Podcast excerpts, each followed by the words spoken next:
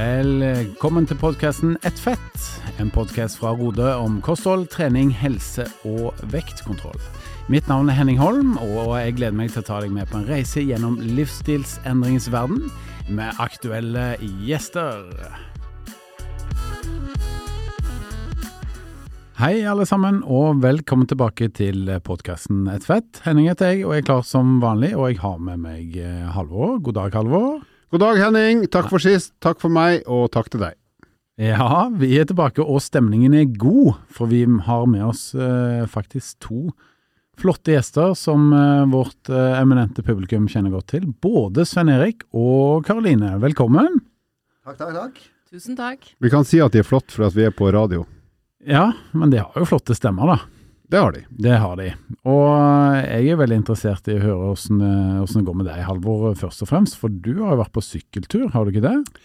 Jo, jeg har vært på en femdøgns sykkeltur og sykla intet mindre enn 7500 høydemeter, blant annet. Sammen med to artige karer, politifolk, som eh, hadde mulighet til å eh, invitere meg på en sykkeltur i Marbella. Og der bodde vi i et flott hus. Hadde veldig mye humor, veldig mye dårlig humor og veldig mye sykling, og Ja. helt prima. ja så du har vært i Spania, altså, og sykla litt? Jeg har vært i Spania.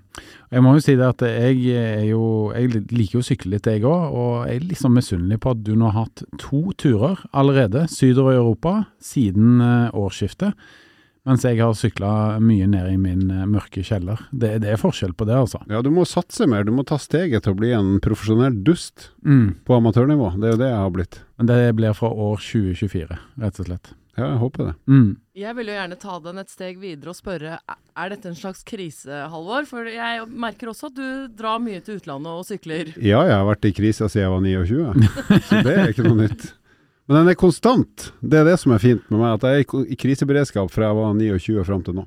Ja. Og det de to andre karene tror jeg også er litt der. At, så det ble mye fistbumps og twist og vis og vass for å bygge ja. opp under eh, Ja, for jeg har jo tulla med deg tidligere her, at eh, når man begynner å reise alene uten familie og sånn, på sånn sydenturer, eh, og kjøpe seg fin bil eh, Sånn som du har gjort. Sånn som du. eh, så, så det begynner å bli noen kjennetegn her på, på en litt sånn eh, middelaldrende krise. Ja, som sagt, det har vært siden 29, så den er, har vært lenge. Ingen ytterligere kommentarer der, altså. Får, får ikke noe mer, det, ikke, det blir ikke verre. Det har vært ille lenge. Det er bra vi prøvde oss, Karoline, men eh, vi, vi får jobbe videre. Jeg lever så godt med det her at jeg, jeg, har, det, jeg har hvilepuls, smilepuls, Smilepuls. ja. og livet leker. Bra. Hva med dere, våre flotte, flotte venner, eh, i hvert fall stemmer ifølge Halvor? Eh, Har dere trent bra siden sist? Eh, ja, vi har vært eh, påske på eh, påskefjellet, på, på Budor utover Hamar. Og der har vi gått på ski hver eneste dag. Eh, hadde egentlig tenkt å jobbe litt i påska, men det ble altfor fint påskevær til. Så Gikk, gikk du budor- budorrennet òg, eller har det gått? ikke Budor-rennet, men Budor-runden. Ja, Den er tøff. Ja, den er det. Veldig fint. Veldig fint på Budor. Mm. Men er du, er du god på ski, eller er det bare sånn uh, litt sløs av arbeidsøkonomi? Uh, nei, på ingen måte. Altså, jeg gikk aktivt uh, langrenn til jeg var 17-18 år. Jeg begynner å bli noen år siden, det, da, Yes. men, men jeg er dårlig på skøyting, det skal sies. Men jeg Ja, for du gikk jo i en tid der det var treski og ikke skøyting i det hele tatt, nettopp vel? Meg og Magne Mm. Ja, ja. Mm. Ja, Myrmo. Ja, ja. Ja, for du gikk på ski på slutten av 70-tallet. Ja, Før OL i Moskva. Ja, ja, ja, noe sånt. Hva med deg, Karoline? Jeg har jo hørt, altså Her må jeg jo svare litt før du svarer. Du har jo gått eh, 20 mil på ski Ja, de siste eh, drøyt 10-11 dagene. ja, det er helt riktig. Godt observert. Altså, jeg, jeg er veldig glad i å gå langrenn eh, også, som Sven-Erik. Og jeg er veldig glad i å gå klassisk. Jeg er ikke heller spesielt god på skøyting, men jeg ja, elsker langrenn og går det så ofte jeg kan. Og påsken her eh, hjemme, og i hvert fall på Hafjell hvor jeg var, var jo bare helt himmelsk. Så da går jeg mine mil. Mm. Det er utrolig imponerende, da. Eh, Så mange mil på ski. I hvert fall for en vestlending som meg, så virker det nesten litt sånn uh... Det er utopisk. Ja, utopisk. Jeg tror ikke Ja. i Vestlandet samla sett har ikke gått så mye engang. Altså alle på Vestlandet. Ja, vi har jo hatt eh, noen få gode så langrennsløpere, da. Så, men vi kan i hvert fall si at du har gått lenger eh, de siste ti dagene enn jeg har gått i hele mitt liv. Men har vi, Er det sant? men har vi, har vi hatt noen gode vestlandske skiløpere? Ja, hva heter han? Hetland? Ja, stemmer det. Ikke Ja, sant? ja, han, Ja, var, han, var, han er verdensmester. Det har du Ikke rett. sant? Så det var han jeg tenkte på. Utover det, så tror jeg du har rett. Pluss at Voss ligger på Vestlandet, og der er jo mange gode skiløpere fra Voss. Ja, men de står jo bare nedoverbakke, og så tar de heisen opp. Det er jo ikke noe, Det er ikke det det det er jo ikke noe bragd. Karo har jo gått Ja. med egen muskelkraft over eh, Hardangervidda. Men hvordan står det til liksom, med folk der ute? Møter du Karoline, og for så vidt du og Henrik, møter du mye folk i løypa, eller er det veldig mye alene? Altså For min del, de, de første kilometerne så møter man jo alle barnefamiliene og alle de frustrerte og litt irriterte mammaene og pappaene som vrir seg og klør seg i hodet over barn som egentlig ikke vil dette her. Og så kommer man seg litt videre, og så er man eh, mye aleine. Og så møter man på noen andre som også er litt sånn blant de spesielt interesserte, som går eh, kilometervis eh, langt bort. Og da hilser man på hverandre og sier hei og nikker og Mm. ja. Men har gått mye alene, det har jeg. Tu- Altså, har du ikke møtt noen turvenner på ski, altså? Ingen turvenner. Gullbrød, da? Ingenting. Nei. Svein Erik, har du møtt gullbrød på din ferd? Uh, nei, men det var mye folk på Budorfjellet, altså. Så ja, absolutt mye, mye glade ski, skiturister i påsken. Dere er jo Ja. kjendiser og uh, selverklærte single. Da må dere jo bruke, når dere går så mange mil på ski, så må dere bruke anledninga til å ta kontakt. Vi går så fort, vet du, så vi rekker ikke det. Jeg må si sånn at uh, både meg og deg har jo vært uh, mye i media, Halvor. Men uh, vi har jo aldri vært single, ikke sant? Så det å liksom være eh, profilert der ute, altså det, det fører ikke til noe sånn trafikk for vår del når det kommer til, til dette. Men, men disse her to som har figurert både VG og Dagbladet egentlig gjennom hele vinteren og våren. Man skulle jo tro at noen tenkte oi, det var ei søt dame eller en flott mann, eh, her må jeg prøve sjansene mine. Men ifølge de så skjer det veldig lite. Kan vi ikke rett og slett bare oppfordre alle som gidder å høre på podkasten, at uh, ta kontakt med Karoline eller Svein Erik hvis du tenker at det kunne vært hyggelig å ta en prat eller en kaffe eller et gullbrød eller et eller annet annet. Tiden vil vise. Jeg tror ikke det er de veiene der det egentlig skjer. Um, Jeg tror det. OK, du tror det. Vi får se, da. Jeg tror vi går videre til dagens tema, og det kommer litt etter denne lille pausen. Hei, dette er Henning fra podkasten Et fett. Visste du at Rode nå har lansert et medlemskap? Med medlemskapet så kan du gå ned i vekt, holde på vekten, eller rett og slett bare kontrollere at vekten ligger der han skal. Ja, eh, det er jo ikke mer enn eh, drøyt eh, ja, ca. ti uker, folkens, til det er skoleferie.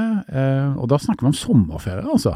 Så nå går det fort fremover med 2023. og det er jo veldig mange, altså vi merker jo spesielt denne uka her, at det er veldig mange som har lyst til å ta tak i, ja, i både kosthold og trening, og begynne på en liten sånn eh, livsstilsendring her før sommeren, eh, Halvor. Eh, Det er økende trafikk på alle Rode sine flater nå. Ja, det er interessant, for jeg har jo alltid tenkt at Altså, vi har jo ferietid, ikke sant. Vi har sommerferie, da skrur Norge ned tempoet, og så har du juleferie der vi kanskje skrur ned tempoet enda mer. Men påska, der virker det som hele landet bare skrur av absolutt alt. Så jeg har aldri hatt så lite mail.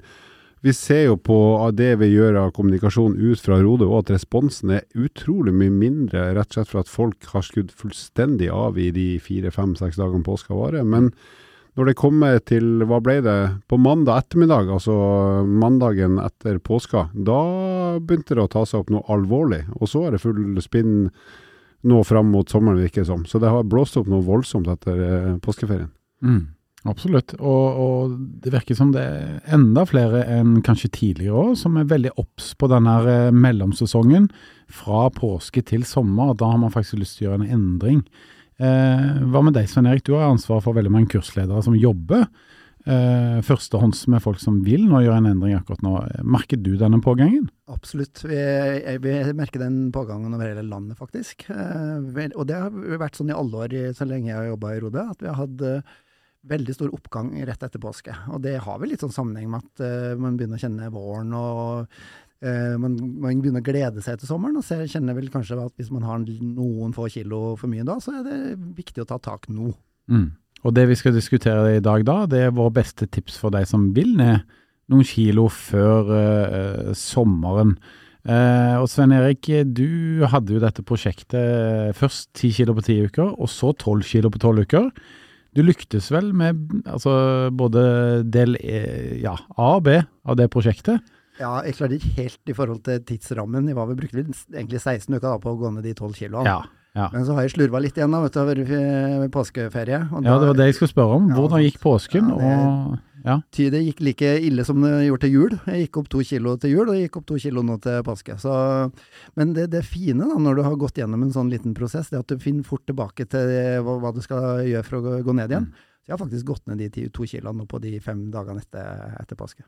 Men det har, påska, jeg har jo satt meg godt inn i hva du gjorde i jula, for vi skriver jo bok om det hele prosjektet ditt. Men har, påska har vel vært litt hyggeligere enn jula? For det, det virker som det var liksom At det rett og slett var en kjip uke. Det høres ut som du har vært på ski og hatt det Ja, ja, for, Fordelen med påske er at du er jo mye mer aktiv sant, i forhold til jul. Eh, så jeg har vært veldig aktiv og gått mye på ski og sånn. Men problemet med det, det er jo at du gjerne blir mer sulten nå. Når, du, når du forbrenner mye, så, så blir i hvert fall jeg veldig sulten for å ha lyst på mye ekstra. Og så er jeg veldig glad i marsipan, som dere vet. Og både julemarsipan og påskemarsipan påskemarsipan er litt bedre enn julemarsipan. Er det seriøs forskjell? Ja, jeg syns det. Jeg Ja, synes det fordi du har noen, du har noen der eh, kornene på der eh, påskepølsene, skulle jeg si. Påskemarsipanpølsene. Så dem, jeg, jeg liker dem bedre, i hvert fall. For veldig mange så er det jo sånn at eh, sant, man koser seg masse i påsken og kanskje går opp en kilo eller to. Jeg vil jo egentlig oppfordre de fleste til å ikke veie seg etter en påske, for det er bare én uke hvor det har vært mye utskeielser, og så kommer man tilbake til hverdagen igjen og de vante rutinene, og da vil de aller fleste gå av gå lett ned de to kiloene de har gått opp. Og samme jula også, at man ikke skal stresse sånn med hvor mye man har gått ned opp, fordi man kommer fort inn i rutinen igjen og, og går ned. Det er jo veldig fint tips, og egentlig veldig sånn eh, Det maner jo til litt sånn ro, at eh, ting ordner seg over tid. Men jeg har lyst til å bare komme med et poeng allikevel. Det betyr ikke at jeg er uenig med deg, Karoline, men jeg må si at eh, jeg syns det er litt sånn motiverende å få den der litt negative beskjeden den dagen. Og så shit, ok, nå har jeg faktisk lagt litt på meg i påsken, og da ble jeg motivert til å ta tak. Så det spørs vel også kanskje litt på eh, hvordan du håndterer den beskjeden, da. Ikke sant? Absolutt. Det kommer jo veldig an på hvordan man, man er. For hvis noen da ser at de har gått opp to kilo, så kan det ha motsatt effekt. At de går helt i kjelleren Mm, og tenker at nei, mm. nå går det til helvete, så nå er det bare å fortsette å gi opp. mens andre motiverer seg. Så det Ja, man må jo rett og slett finne ut hvordan man er og, og hva man motiveres av. Men for veldig mange så vil man eh, bli kvitt de par ekstra kiloene ved å komme inn i hverdagen igjen. Og problemet er hvis man legger jevnt og trutt på seg uke for uke for uke for uke. De kiloene er det verre å bli kvitt, og det er jo de kiloene vi skal snakke om nå, hvordan man skal bli kvitt de før sommeren. Men før jeg går så langt, så har jeg bare lyst til å si det at jeg syns Altså, jeg har jobba i treningsbransjen hele mitt liv, men det har vært veldig, veldig fokusert på trening. Og nå som jeg har jobba i Rode i snart et års tid, så må jeg si at jeg legger mye mer merke til hva som skjer eh, i, i høysesong for Ja, ikke høysesong, men, men i feriene med folk i Norge. For det virker eh, som at veldig mange går helt bananas, altså, på både mengde godteri, alkohol, eh, enorme middager, enorme frokoster. Altså, det, det tar jo liksom helt av, da. Går det ikke an å kose seg uten at eh, vi skal dytte 4 5 6 7000 kalorier inn i kroppen? Jeg er egentlig så fascinert. Ja, det, ser, det ser jo ut som vi skrur av fullstendig Ja. alt. At, Ja. at det er unntakstilstand fra du har fri til du skal på igjen, og så er det bare å dra til noe hinsides med en gang Mm. du skal på igjen. da. Ja, for jeg merker det bare på mine egne omgivelser. Jeg, jeg har jo stort sett eh, folk rundt meg som også er veldig opptatt av både helse og trening, men det virker som man liksom skrur helt av, og det, det skal liksom det, det tar litt av. Men da har jeg lyst til å sitere gode gamle Grete Rode, for hun sa jo alltid at viljestyrken trenger litt ferie den av og til. Og det kan egentlig være litt sånn greit å, å Mm. gi seg sjøl litt, uh, litt slack da i, i ferieperiodene. Absolutt. hvis det ikke blir for lenge. Men det er alltid sånn jeg har tenkt, Svein Erik. Men jeg har bare lyst til å belyse at jeg ser det med litt nye øyne. For jeg, jeg tenker at du kan godt kose deg uh, uten at du trenger liksom å, å dytte på, da. Jeg, jeg syns at uh, det virker som at det uh, blir så vanlig at du Det er obligatorisk at du virkelig skal ikke bare kose deg, men du skal skeie ut til de grader, da. Men det er mulig at det, det er bare jeg som ser på det på en litt spesiell måte. Jeg vet ikke. Jeg er helt enig med deg, Henning, at jeg syns også at det er det jeg ser, at folk tar helt av, liksom, og tenker ikke øh, på noen ting. Og det, det kan jo være litt dumt. Jeg merker det spesielt på barna mine. Det der å venne dem nå til et kosthold igjen uten påskegodt hver dag og snacks og sånn, det er skikkelig vanskelig. Og sånn er det jo sikkert for mange voksne også, at det er vanskelig å legge fra seg Legge vekk all den kosen og sånn. Og det kan jo definitivt ha en negativ effekt på vekten etter hvert også, hvis man ikke klarer å legge fra seg alle de usunne vanene man uh, har i påsken. Det er litt morsomt, for jeg hadde akkurat en diskusjon med fruen i går, og hun kom og sa vet du hva, jeg tror jeg bare må renske ut av den godteskuffen. Jeg. For jeg ser at uh, den lille timen barna er hjemme før vi kommer hjem, altså mellom skoletid og jobbtid er ferdig, og de, de av dere som har barn, vet jo at det er liksom den tiden fra to til fire, mm. eller halv tre til halv fire. Eh, da merker hun at de hadde vært oppi og kost seg litt, ikke sant. Og det er jo rett og slett fordi de har litt sånn abstinenser etter mye påskegodteri. Så det, disse tingene er jo reelle, altså. Så tror jeg du er inne på noe viktig det med, det med mengde. Ikke sant? Det er bare å se på, på de her påskeeggene. Altså, I gamle dager da vi var unge, folkens, da mm. hadde vi jo ganske små påskeegg, og det fikk vi på påskeaften. Mm. Nå er jo det digre påskeeggene som da blir lansert allerede palmehelga, ikke sant? og så, så, fylles det opp hvis det, hvis det blir tomt. Så det, det, har med mengde å gjøre det er helt klart. Ja, mengde og tilgang. Altså, vi, ja, vi fikk det påskeegget som sa, og det skulle jo vare hele påska. Og da var vi i lykkerus, vi. Og sparte mm. på så lenge som mulig for å ha noe å se fram til. Mm. Ikke sant. Bra. Nei, men Spennende diskusjon og observasjon, vil jeg si. Men eh, for alle de nå som vil gå ned i vekt, eh, herr Halvor. Eh, hvis vi begynner med deg først, da. Du eh, hva, hva ville du sagt til noen som kommer og sier du Halvor, kan du hjelpe meg litt? Da hadde jeg sagt at det får vi til. Vi skal få til ganske mye fram til sommeren. Og hvis vi sier at fram til sommeren er et sted mellom seks, åtte, ti, tolv uker, litt avhengig av når man skal ta fri og, og når man definerer sommeren, så vet vi jo at eh, du får gjort veldig mye da. Så vi har bl.a. Go Low-studien som har snakka mye om, da, som viste at eh, man kunne gå ned en, røftlig en kilo i uka i ganske mange uker i strekk. Og Det ser vi også på Rode Kickstart, at eh, mange gjør det. Og vi ser at med grep, spesielt på kosta, men også noen justeringer av aktivitetsnivået, så kan vi jo med trygghet si at hvis utgangspunktet er at man er ganske tung, så skal det fint være mulig å kunne gå ned i snittet en, en kilo i uka fram mot sommeren. Men da gjerne på en måte som gjør at det er mulig å holde det ålreit gjennom sommeren òg, ikke bare gå rett opp igjen, men, men å klare å justere litt i forhold til det vi snakka om nå, og liksom ikke bare ja, hold på det du har innarbeida samtidig som du skal kose deg. Det er jo et sånt stikkord. Men ja, det er absolutt mulig å gå ned mye fram mot sommeren. Så jeg ville sagt røftlig en kilo i uka, det skal vi få til. Mm. Bra. Og Karoline, la oss bli litt mer tekniske da, siden vi skal snakke med ernæringsfysiologen her. Burde da kunden ta Halvor eh, velge faste eller et mer hyppig måltidsmønster? Altså Det jeg først vil bare kommentere, er eh, hvor mye man vil gå ned i vekt uke for uke, avhenger jo av ganske mange ting. Eh, det er ikke sånn at det vil skje alle. Eh, om denne kunden til Halvor har hatt mye vekthistorikk og gått mye opp og ned i vekt tidligere, eller har gått ned mange kilo eh, tidligere, så kan det påvirke resultatene. Så det, det, er, det er, veldig individuelt hva man får til, men det er absolutt fullt mulig for mange å klare å gå ned én, kanskje også en og en halv kilo i uka i starten, men eh, det er, eh, andre, det er ting som spiller inn også. Eh, I forhold til om man vil faste eller ha et mer moderat energiunderskudd, da tenker jeg bare at det er individuelt hva som man trives med, hva som gjør at man får til hverdagen. Um, da velger man ut ifra det, og så anbefaler vi jo selvfølgelig kickstart, eller denne eh, med veldig høyt energiunderskudd, den anbefaler vi da først og fremst til de med høy BMI. Men eh, faste eller ikke, det er eh, Velg det som fungerer best i din hverdag, og som du klarer å holde på, for det er det som gjør at du oppnår resultater.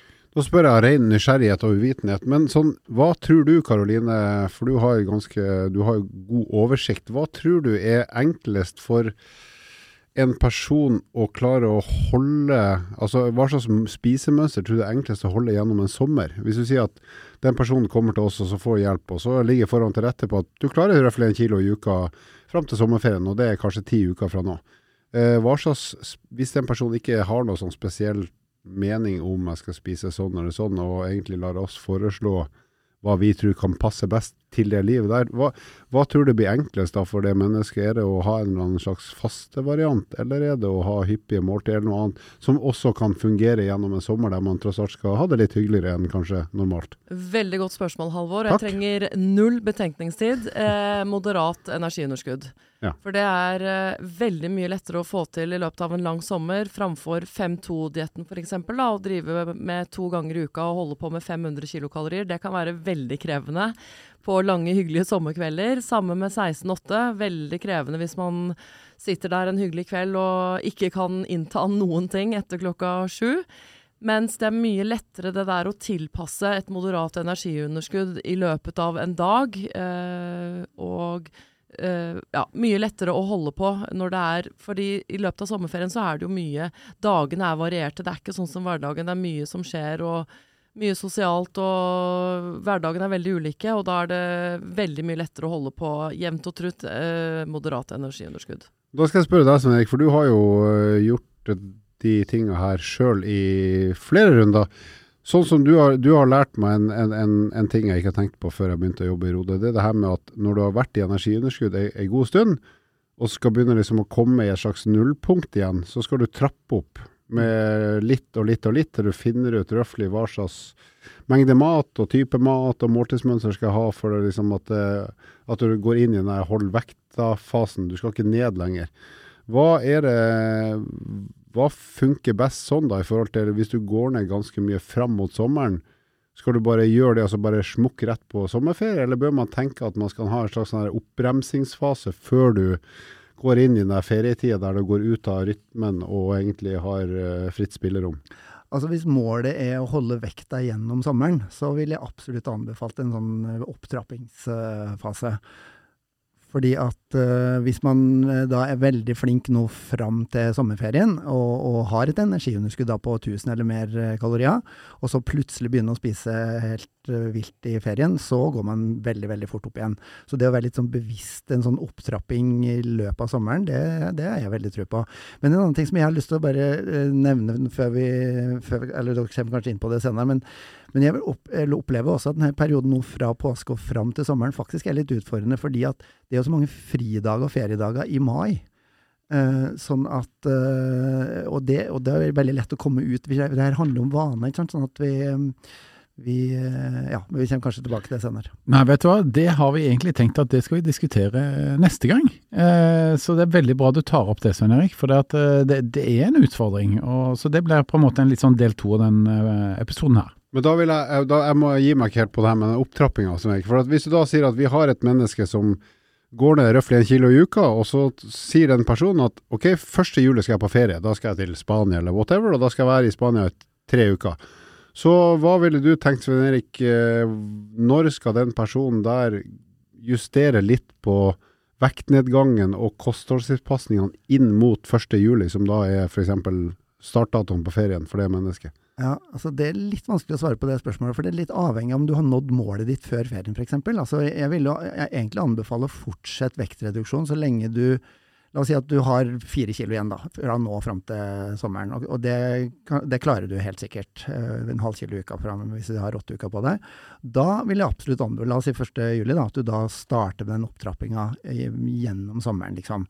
Og ofte så, det vi erfarer, i hvert fall eh, de som da har ganske høyt energiforbruk, altså er flinke til å trene, så skal de opp ganske mye for å komme i energibalanse igjen. Eh, men jeg vil allikevel hadde anbefalt en veldig sånn gradvis opptrapping, gjerne 100 kalorier i uka. Uh, inntil du da kommer tilbake i, i, energibalanse. Da kan du risikere at du går enda litt mer ned før du begynner å, gå, begynner å jevne ut igjen, men det kan være en litt sånn buffer gjennom sommeren. Da. Så jeg, jeg tror det er smart å tenke sånn.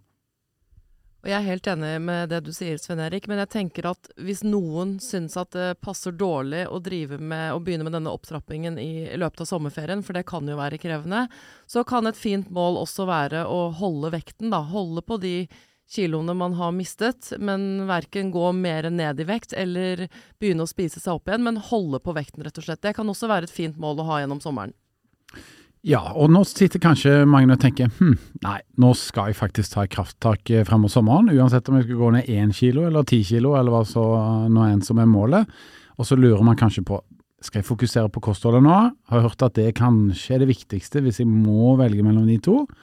Eller skal jeg heller tenke hm, jeg spiser ganske bra, hvis jeg øker treningsdosen, så kan jeg jo kanskje gå ned i vekt fordi at jeg spiser ganske fornuftig fra før.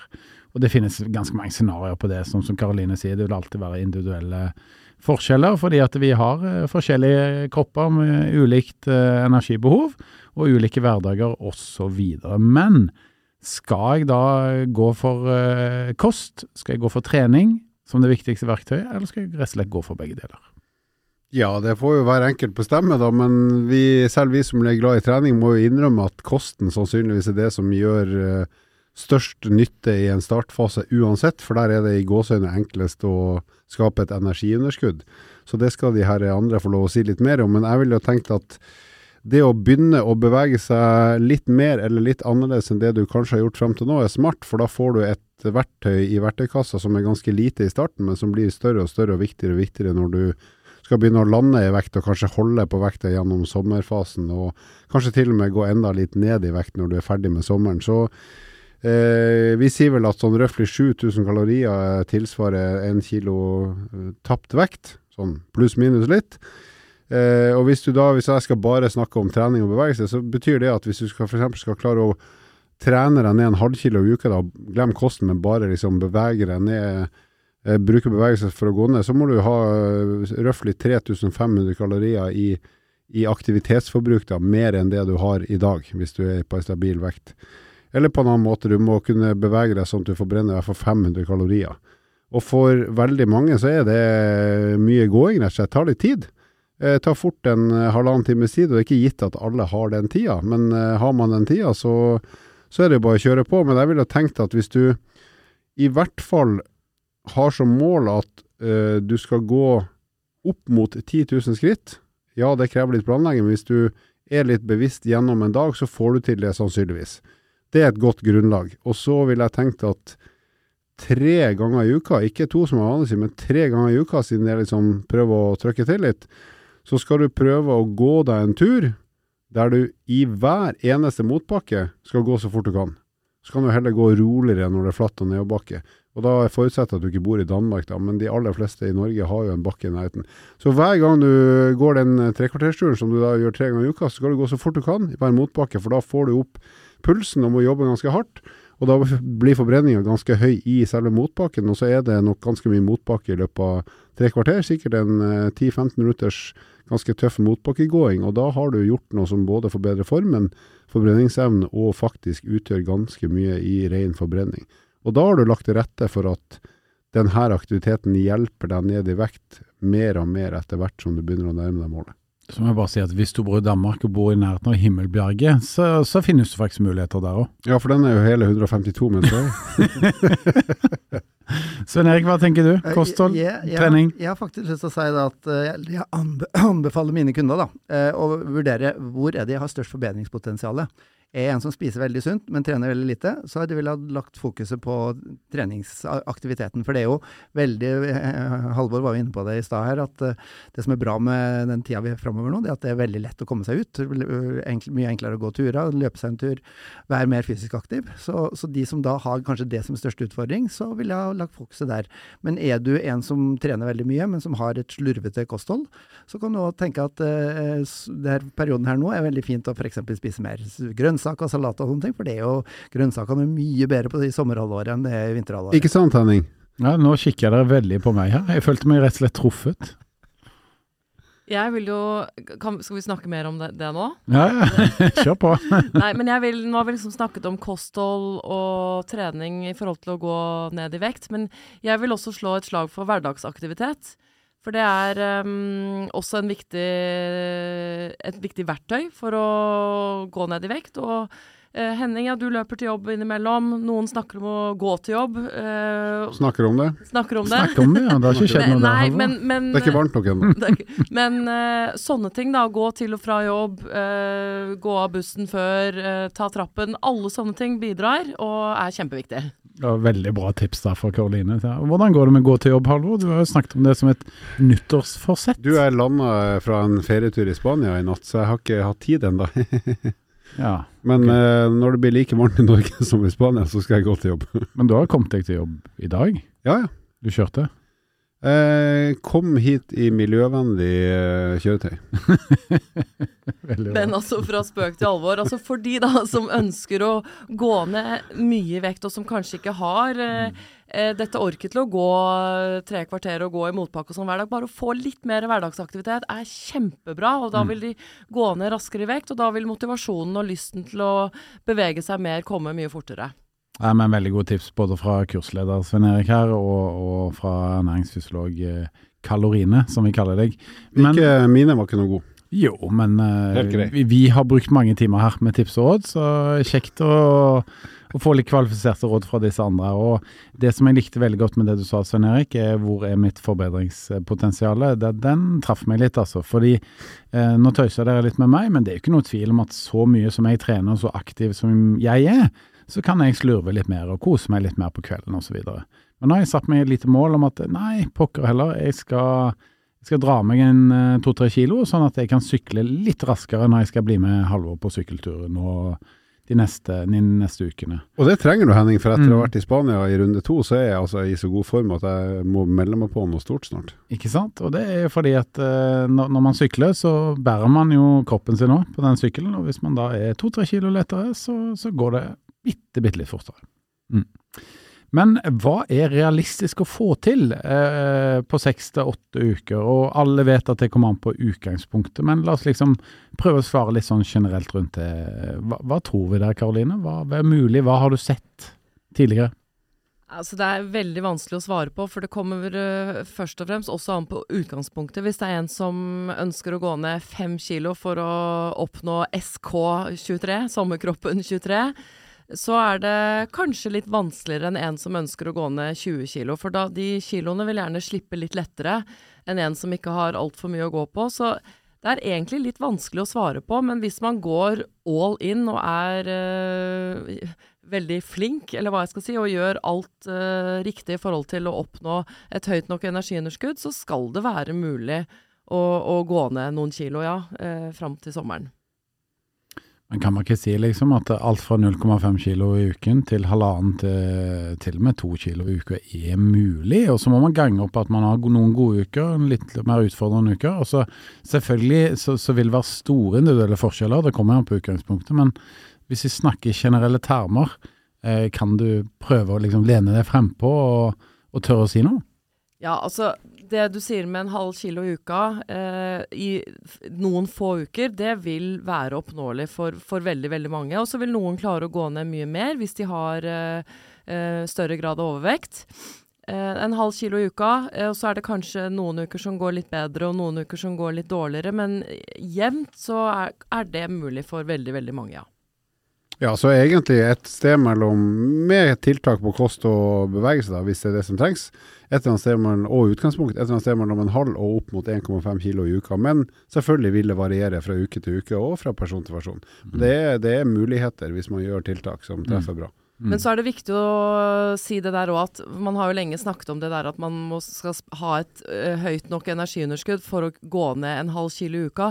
Det vil jo på et tidspunkt avta. Man vil jo ikke fortsette å gå ned en halv kilo i uka i ukevis, men det er fullt mulig i noen få uker innledningsvis. Mm. Ja, vi så jo på disse Go Low-deltakerne at de der første åtte ukene, da skjedde det ganske mye, altså. Men det skal vel òg sies at utgangspunktet der var jo at man hadde en relativt høy gjennomsnittlig BMI. Mm. Bra. Hva tenker du da, Svein Erik? Hva, du, du har jo gått gjennom dette her i vinter. Hvordan var de seks til første eh, Seks til åtte første ukene for deg? Nei, altså jeg er veldig enig med det Karoline sier. Det, det går egentlig ganske greit. Det er lett, eller lett er det kanskje ikke, men altså det å gå ned en kilo i uka sånn i snitt, i hvert fall for en mann øh, som veier like mye som meg, er greit i starten. Og så vil alltid en sånn vektkurve vil liksom flate litt ut etter hvert. Hvis du fortsetter å spise de samme antall kaloriene, eh, og så går den ned i vekt, så vil, du, eh, vil vektreduksjonen avta uke, fra uke til uke. Så det må man være litt sånn klar over. La oss si at man starter nå, da, som veldig mange gjør, og ser at man kanskje går ned ja, et sted mellom 1 og 2 kilo nå, og så spiser, la oss si at man spiser sånn, ja, 1900 kalorier f.eks. Hvis man fortsetter å gjøre det i åtte uker, så går man ikke like mye ned de siste ukene, for det, da har man jo faktisk gått ned i vekt. og det, det er med i, i kalkulatoren her, skulle jeg si. Mm. Så kurven flater jo normalt ut. ikke sant? Den er brattest i starten, nesten uansett utgangspunkt, og så må den nødvendigvis flate litt ut. Men, men vi står godt i å si en halv til 1,5 kilo i uka i en del uker, gitt litt, litt avhengig av utgangspunktet. Mm. Progresjonstak, er det det du kaller det? Nei, men, men det, det, er litt, det, er litt, Når vi snakker om kurver, da, så har jeg faktisk lyst til å si at eh, jeg bruker også å si på, på kurs at uh, vektkurven har en eh, tendens til å være sammenfallende med motivasjonskurven. Og med det så bruker jeg å si at uh, jo, jo, bedre resultater man har fått, jo nærmere målet man har kommet, jo mindre motivert er man for å gjøre den siste delen av jobben. Det virker, høres kanskje litt rart ut, men, men, det er i hvert fall det jeg opplever gang på gang. At man blir liksom litt for fornøyd litt for for tidlig, og så tar man ikke og gjør jobben. Er det høna og påskeegg, eller? Riktig. Men vet du hva, jeg tror, jeg tror, nok at veldig mange som lytter på tenker ok, eh, det er fullt mulig å gjøre noe nå frem mot sommerferien. Og så syns jeg da at vi skal gi oss selv en utfordring her på tampen. Eh, dere, våre tre eksperter, eh, nå fritar jeg meg selv her, nå har jeg vært, og bare det. Dere skal få gi hver deres, eh, hvert deres beste kostholdstips. Og det har dere maksimalt 30 sekunder på å gjennomføre. Og deretter så tar vi deres best, tre beste aktivitets- og treningstips. Så totalt tre på kost og tre på aktivitet slash trening. Dere får ett hver. Skal vi starte med deg, Halvor? Hva er ditt beste kostholdstips? Ja, siden jeg kan minst om kost, så får jeg ta ordet først, for da har jeg sjansen til å si noe som ikke er sagt før. Iallfall. Nei, jeg, jeg mener at i hvert fall hvis du er voksen, eh, for så vidt også hvis du er ungdom, så la være, eller begrens mengden godteri, og helst la være, eh, rett og slett. Si at lørdagsgodt er lørdagsgodt, og så kutter du godteri resten av uka. Ja mm. da, det er litt kjipt, men helt seriøst, det er en ting vi faktisk kan klare å la være å ty til hvis vi bestemmer oss. Mm. Bra. Svein Erik? Jeg har lyst til å gi det tipset at uh, gå bananas i grønnsaksdisken og fruktdisken. fordi at på sommeren så er det altså så mye gode grønnsaker og frukt, og ikke minst bær da, på eh, ettersommeren, som er sesongvarer. Uh, så det å, å, kanskje da utfordre seg sjøl med å, å, teste ut en ny grønnsak en gang i uka f.eks., kan være smart. Variert kost liker vi også. Så det, det er mitt beste tips for sommeren. En strategisk gulrot der fra Svein Erik. Jeg skal ta med den friheten å komme med to tips, for jeg skal gi et tips på vegne av deg, Henning. Er er det greit? Ja ja, kjør på. Nei, Det første tipset, ikke sant? Nå har dere kommet med gode, konkrete tips. Og eh, mitt ene tips er også et konkret tips, men jeg vil også si det at det er så viktig å ha en plan og planlegge. Det er veldig lett å si at jeg skal gå ned seks kilo før sommeren, men du må vite hvordan du skal gjøre det, og det må du skrive ned og ha en plan for. Kjempeviktig. Så er det da ditt tips, Henning. Eh, det er å, som er da mer konkret igjen, å bare spise passelige porsjoner til hvert eneste måltid du spiser. Ikke forsyne deg flere ganger. Ha en passelig porsjon. Spis etter tallerkenmodellen. Eh, det vil gjøre mye.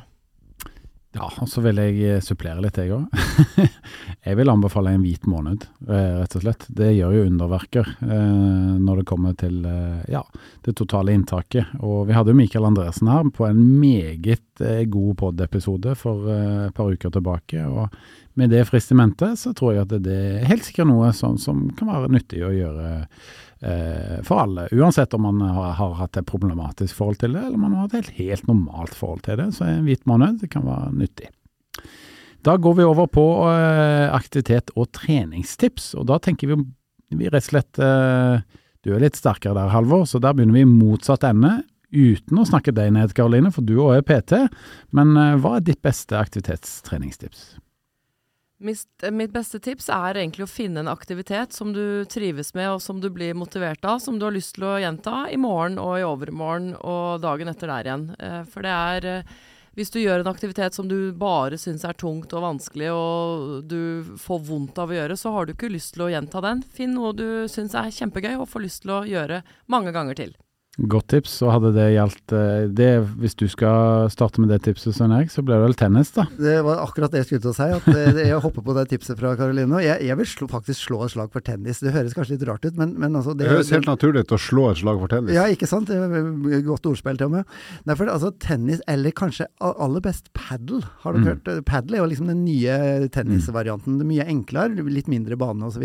Som har blitt en litt sånn folkesport både i Spania og i Sverige, og i ferd med å bli det i Norge. Ja, det er jo for at der slipper du unna med å være dårlig. Du kan føle deg god selv om du er dårlig. Ja, men du, Og det er jeg sjøl, altså. Jeg Ja, er dårlig, men jeg føler meg god. Og så er det en veldig god aktivitet, og den, og den er kanskje enda litt mer sosial enn tennis, for at det er som regel da to øh, på hver Altså du, du spiller double, da. Eh, Så det er en veldig bra aktivitet. Massevis av pauser der òg, så det er helt perfekt. Ikke sant. Der må jeg si det at eh, jeg, jeg, jeg skal ikke snakke det ned, men uh, for meg som løper såpass mye og sykler litt, uh, og veldig dårlig padel, eh, så må jeg si at jeg ble ikke svett engang. Jeg har så vidt puls. Eh, så, så for noen få, hvis du trener ganske mye, så vil jeg anbefale å enten bli mye bedre, rett og slett, at det blir noen vekslinger, eller finne på noe annet.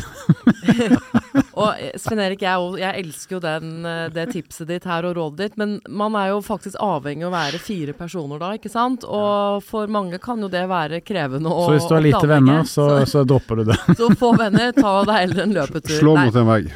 Men det skal jo være noe som er eh, lett å få til eh, i hverdagen også, og da er det andre aktiviteter som kanskje er lettere, men det sosiale med padel og sånn også kan jo være en viktig motivasjonsfaktor òg. Ja, men det er jo et veldig godt tips, eh, egentlig. Og jeg vil si at eh, det, det finnes mange andre ting du kan gjøre. Jeg er jo veldig glad i å spille fotball, og da fikk jeg i hvert fall pulsen min opp. da. Så liksom finn en smart aktivitet. Godt tips. Halvor, har du noe konkret? Ja, jeg kommer tilbake til motbakken. Jeg syns at du skal gå litt fortere hver gang du treffer en motbakke herifra og fram til 25. august. Hvis du gjør det, så kommer du i bedre form. Garantert. Og du trenger ikke å ha på deg treningstøy engang. Du skal bare tenke at jeg går litt fortere enn jeg hadde tenkt hver gang jeg treffer en motbakke. Og da skjer det mye. Da skal jeg tillate meg å komme med et eh, tips på tampen her òg, det er velg en øvelse som du starter med i dag. Gjør ti repetisjoner av den, og det kan være en knebøy, det kan være en pushup f.eks. Og i morgen så gjør du det samme igjen, men da tar du elleve repetisjoner. Så ser du hvor langt du kommer, og når du har kommet til maks, om det er 32 eller om det er 64 eller hva nå enn det er, 69. så har du blitt eh, faktisk bitte litt sterkere. Halvor, eh, vi har kommet så langt at vi vil eh, skape litt sånn humor på tampen her. Nå er jeg spent på hvilken fun fact eh, har du til oss i dag? Ja, jeg har en eh, fact som i hvert fall jeg syns er gøy i familien der jeg bor, og det har med toalett å gjøre. Eh, altså rett og slett hvor, eh, hvor mye sitter et menneske i Altså et menneske som lever et normalt, eh, langt liv, hvor, hvor lenge sitter et menneske på do gjennom et livsløp? Er det noen som har noen peiling på det, hvis dere skal tippe? Aner ikke.